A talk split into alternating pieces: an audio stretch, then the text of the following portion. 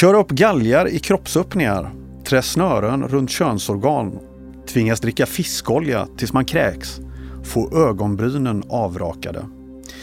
Inkilningar inom idrotten har en mörk historia av avarter. Den senaste tiden har några idrottsprofiler trätt fram och berättat om sina erfarenheter. De har gjort det som varnande exempel och med syfte att få stopp på inkilningarna. Så hur gör vi? Går det att vaccinera bort inkilningar? Och var går gränsen egentligen för förnedring och gruppstärkande verksamhet? Max Bergander är värdegrundsansvarig i AIK. Han har varit på bägge sidor om staketet när det gäller inkilningar. Vi träffar honom för ett samtal om hur han ser på fotbollens ibland passiva inställning till inkilningar och vi får också höra hans tankar kring hur vi kan få bukt med dem. Välkommen till ett nytt avsnitt av podden Svensk Fotboll. Jag heter Juan Martinez.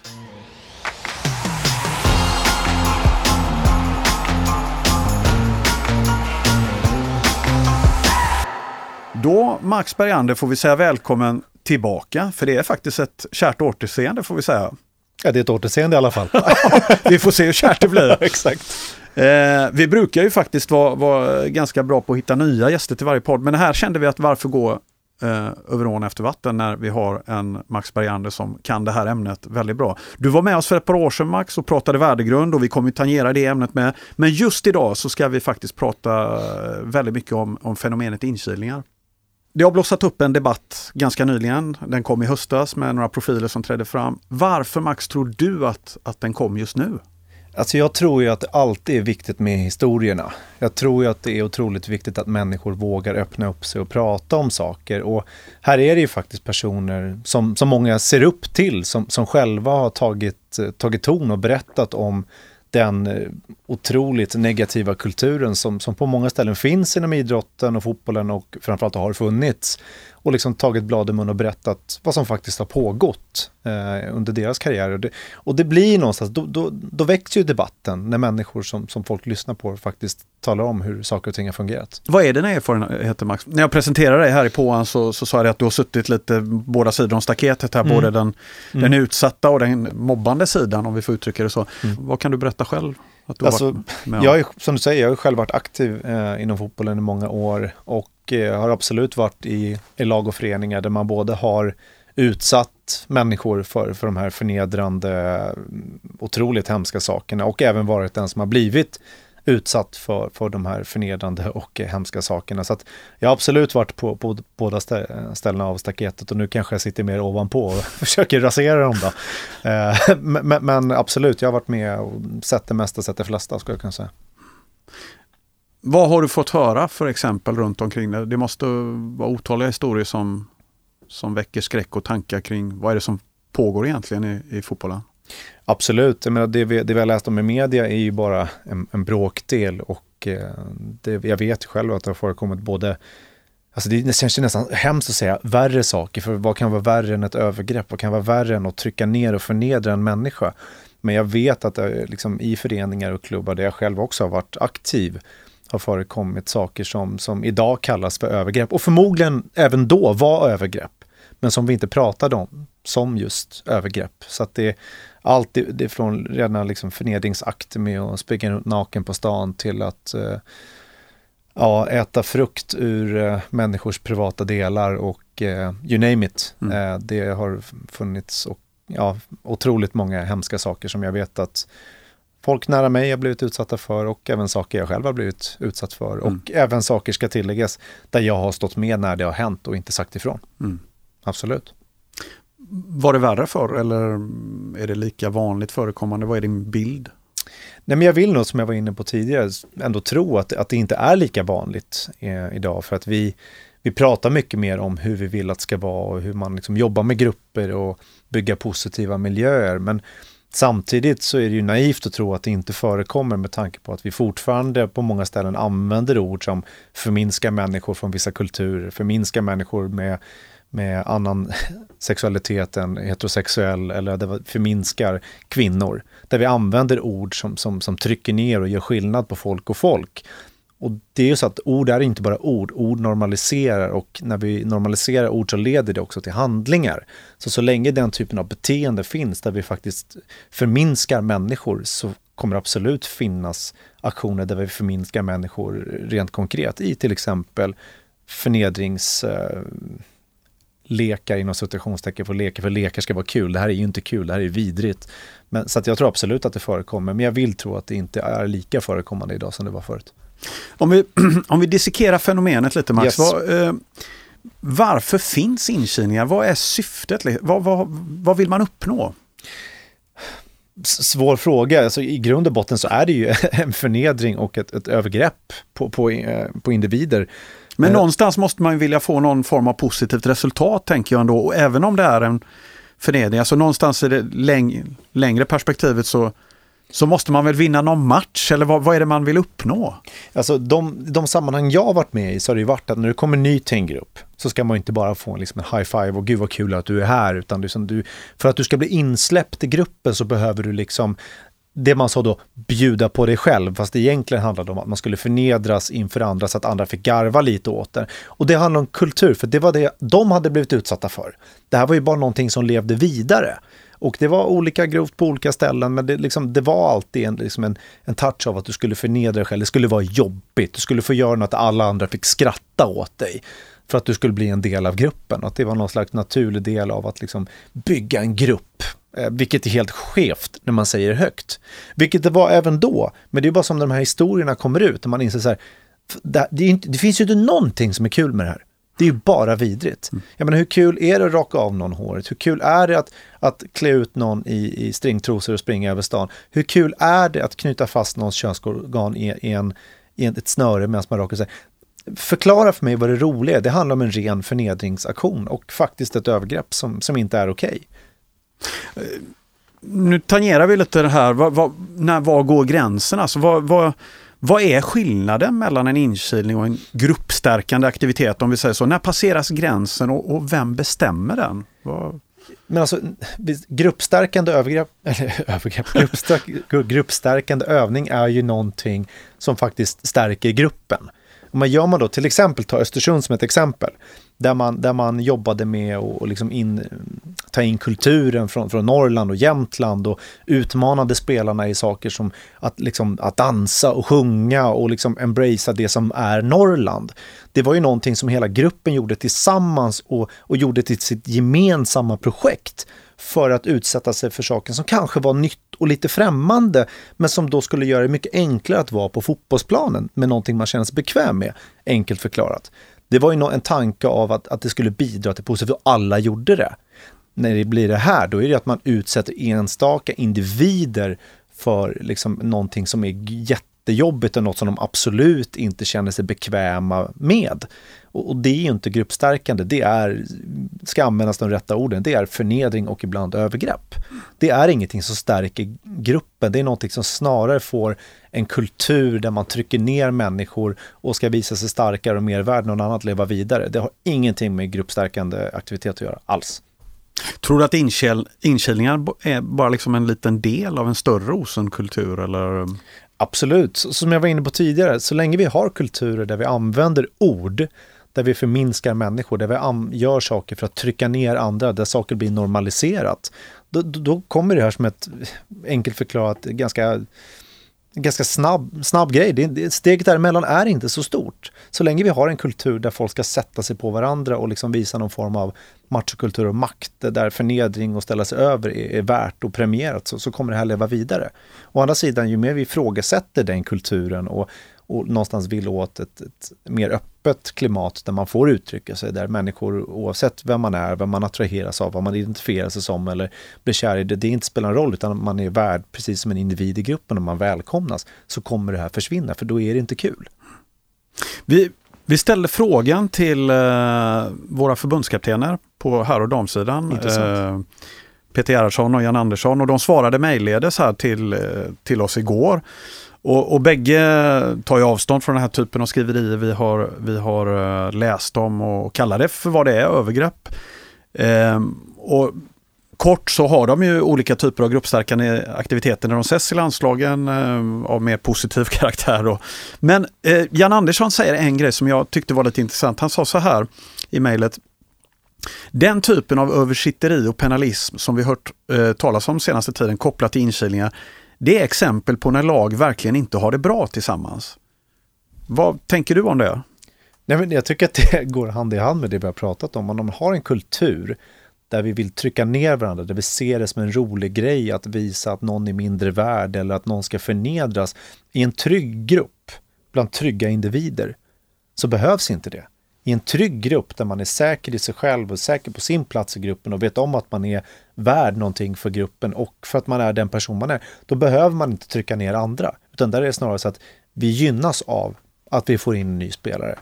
Vi njuter av framgång tillsammans. Vi gläds åt varandras framgång för att vi gör det tillsammans. Då behöver vi inte trycka ner varandra. Så jag menar, i en grupp där vi, där vi mår bra, varför ska vi förnedra varandra? Du, är jag fördomsfull om jag säger att det här är ett killproblem? Nej men alltså så här, det... Oj, svår, svår så här. Nej, jag tror inte att du är fördomsfull, för mycket ligger ju i den här giftiga påhittade manligheten där man ska stå upp och visa sig stark och trycka ner och eh, uppmuntrar våld och styrka som någonting som män ska, ska, ska liksom leva efter. menar, för det går inte att blunda för att, att alla män begår inte brott, men nästan alla brott begås av män.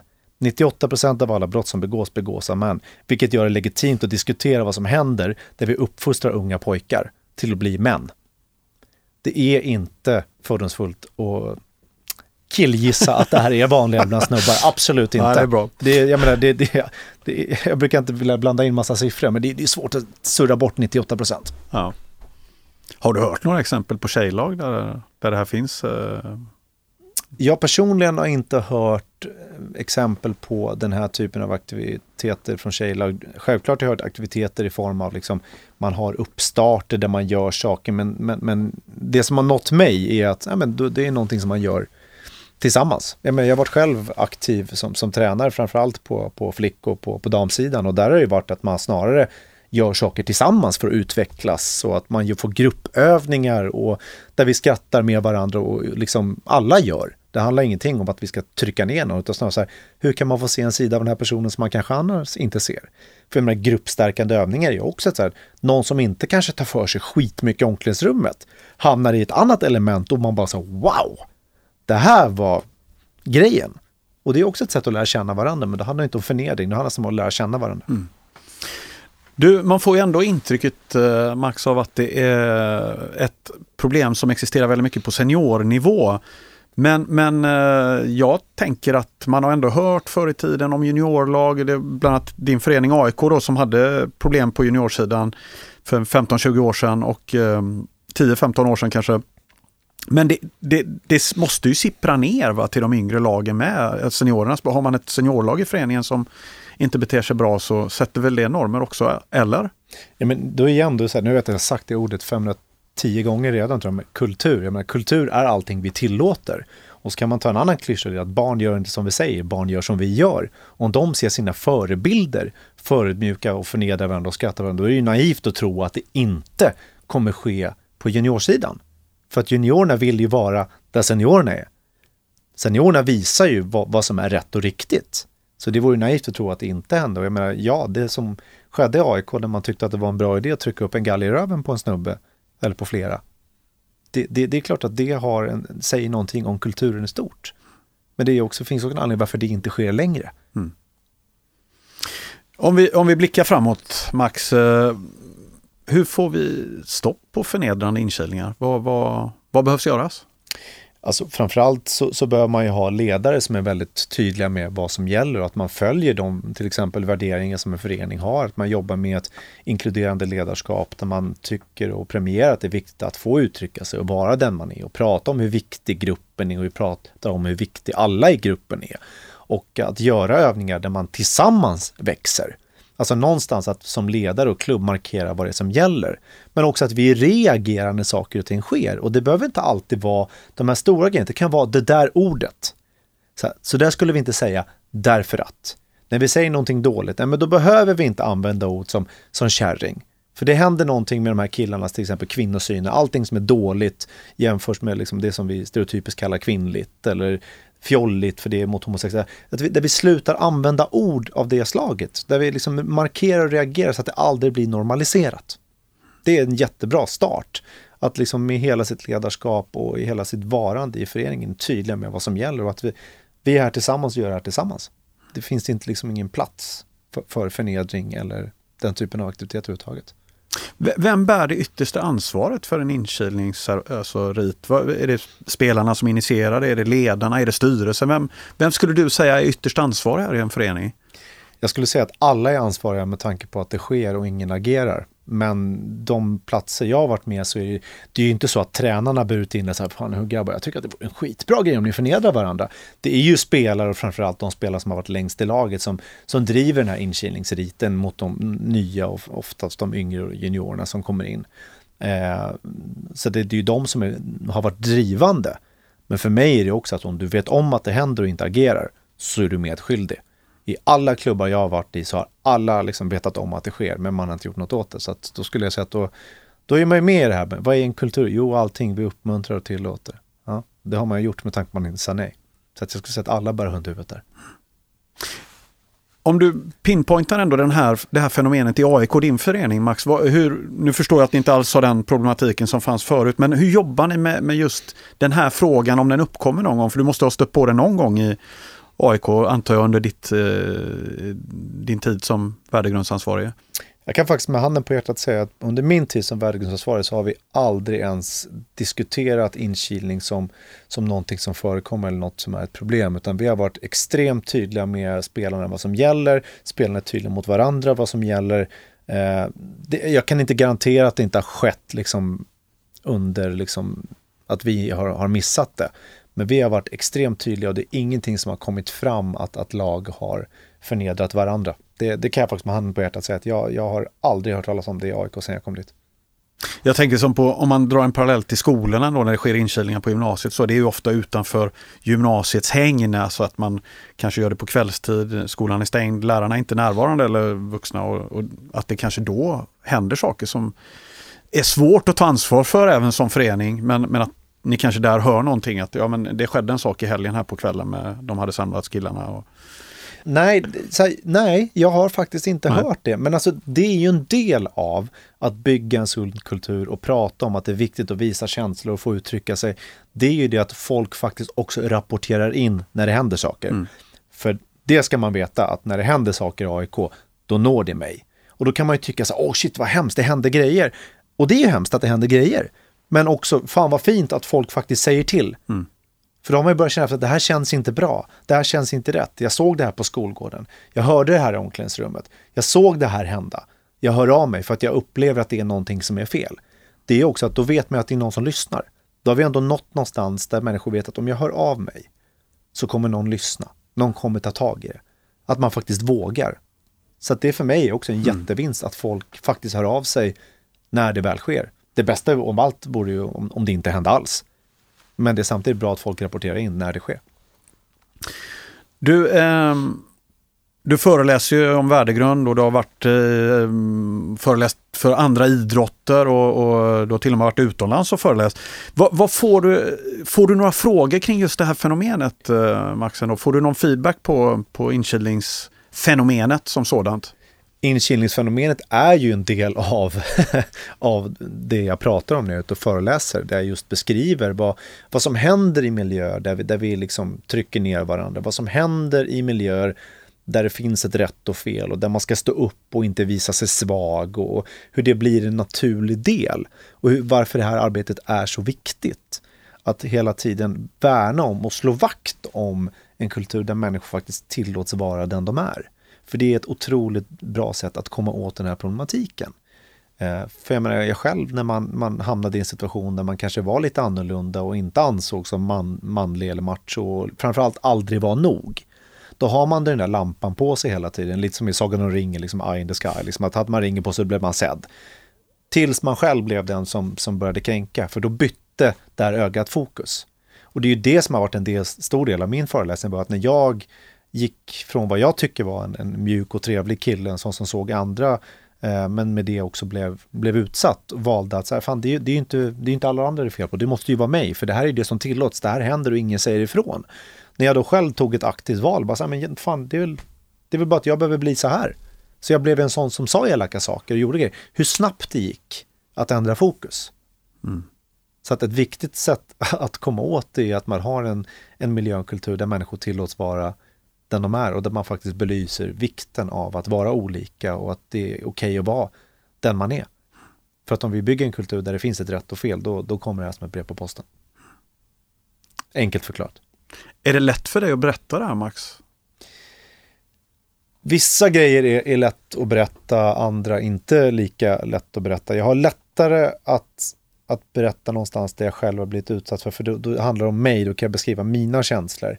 Eh, jag kan absolut berätta om aktiviteter där jag själv har varit en av dem som, som, som har varit med och, och drivit.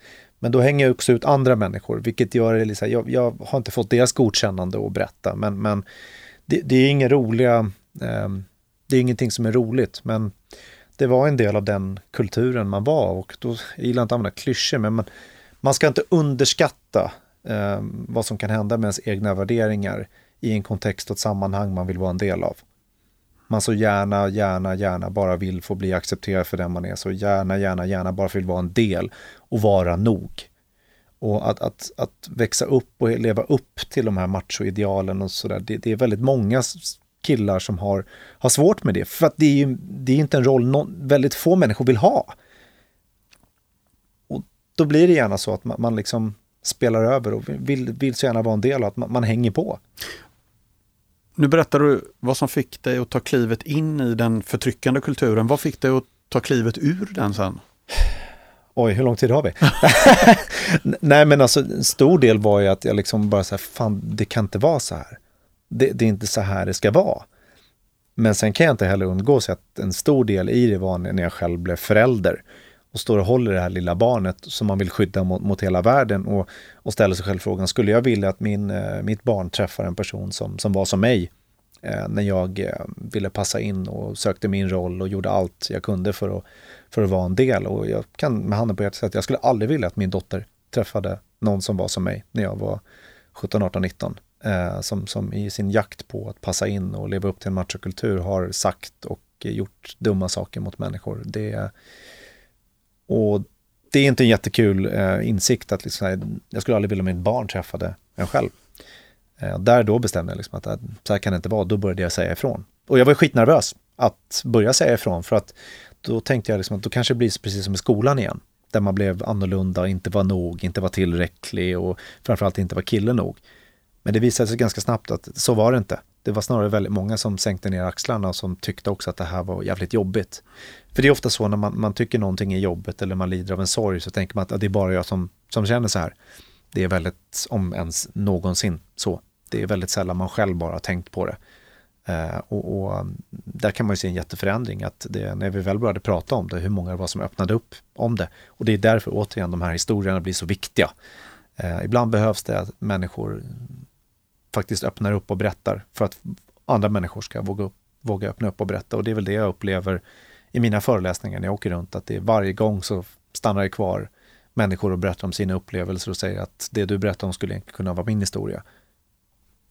Du, eh, en sista grej Max. Om, om du skulle skicka med en passning till en ledare som anar att det är en inkilning på gång, det, det surras. Det kanske är en för liten förening där det inte finns en policy, man inte har gjort sitt värdegrundsarbete. Men det, den här ledaren anar att det kan komma en inkilning nu med förnedrande in, inslag. Man har hört någonting kanske på någon träning, något i förbifarten. Vad skulle du ge för råd? Först och främst prata med klubben, prata om att jag har hört att det här, eh, vad heter det, kan, kan hända. Att jag tror att vi behöver adressera det här hela föreningen. Och sen skulle jag samla laget och bara säga, jag har hört det här. Det här är viktigt. Vi behöver prata om det här. Vi vill vara en grupp som är så här och så här. Och om den här typen av aktiviteter pågår så tycker jag inte att det lirar med hur vi ska funka som lag. För det, ofta räcker inte bara att säga nej, det här är fel, förklara varför det är fel också. För det är väldigt få människor som vaknar på morgonen och säger Åh, fan idag ska jag gå upp och vara riktigt jävla elak. Fy fan vad jag ska kränka någon med mina skämt idag. Det är väldigt få människor som funkar så, om ens någon. Eh, men vi gör ofta som vi själva har blivit lärda, det vi själva har sett, det vi kanske själva har blivit utsatta för. Men om vi talar om för dem att det här är inte okej okay och varför och förklarar så tror jag att vi kommer väldigt långt. Så att, men att reagera. För att om du inte reagerar, då har du varit en del av det. Max Bergander, stort tack för att du gästade podden. Tack för att jag fick komma hit en gång till. Du har lyssnat på podden Svensk Fotboll med Max Bergander, värdegrundsansvarig i AIK Fotboll. Vi vill passa på att tacka för alla inspel vi får från er via framförallt mail. Fortsätt gärna komma med dem, idéer, tankar, reflektioner ni har på podden at svenskfotboll.se. Det är tillsammans med alla er runt om i landet som vi gör svensk fotboll lite bättre varje dag. Jag heter Juan Martinez. Tack för att du har lyssnat.